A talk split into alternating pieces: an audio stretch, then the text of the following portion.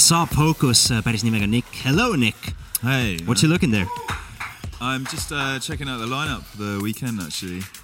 Just uh, having a look at it, man. It's uh, What do you think ? really, really strong. Uh, it was good to like. It was fun hanging out with some friends at the same stage. I just uh, bumped into the guys from Camo and Crooked, uh, and also Matrix and Future Bound. yeah. Uh, did you get, you just uh, finished on stage, right? How was it? Yeah, that's right. Yeah, it was really good, man. Um, it was cool. I wasn't expecting it to be so light, but you guys get a lot of daylight here in the summer, don't you? Yeah, So- we do. It uh, the sun goes down very uh, late. Yeah.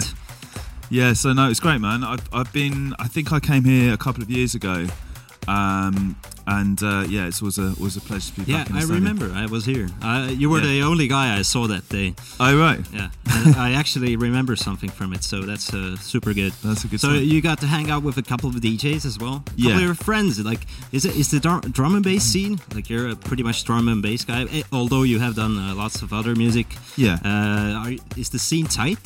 Like, you yeah, know each yeah. other? I mean, uh, yeah, everyone.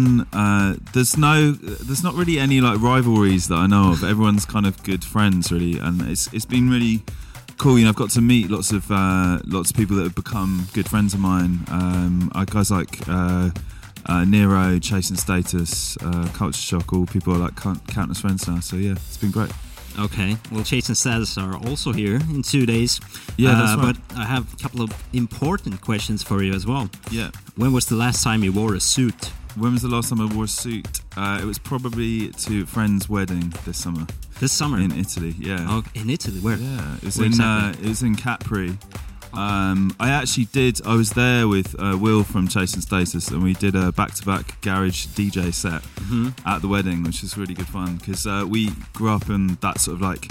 90s jungle drum and bass and, and garage um, and so it's- it was kind of like fun to revisit all those old tunes And the couple was like, all right, don't play Michael Jackson, just play your break set. What the hell? we didn't take requests or anything we were just Oh, I, I think it was uh, that's she was great. she was up for that yeah yeah, that's a good idea. Like, Yeah. requests are kind of annoying, yeah at least in my opinion. Yeah. When was the last time you fed a duck? Fed a duck. Uh, I don't think I've ever done that. I need to. That's like one for the bucket list. I need to. One for your Make bucket sure list. I What do else is that. on your bucket list? Um, I really would like to do a skydive. Um, and I was in uh, New Zealand a couple of years ago, and I was looking into it because it's like a good place to do that.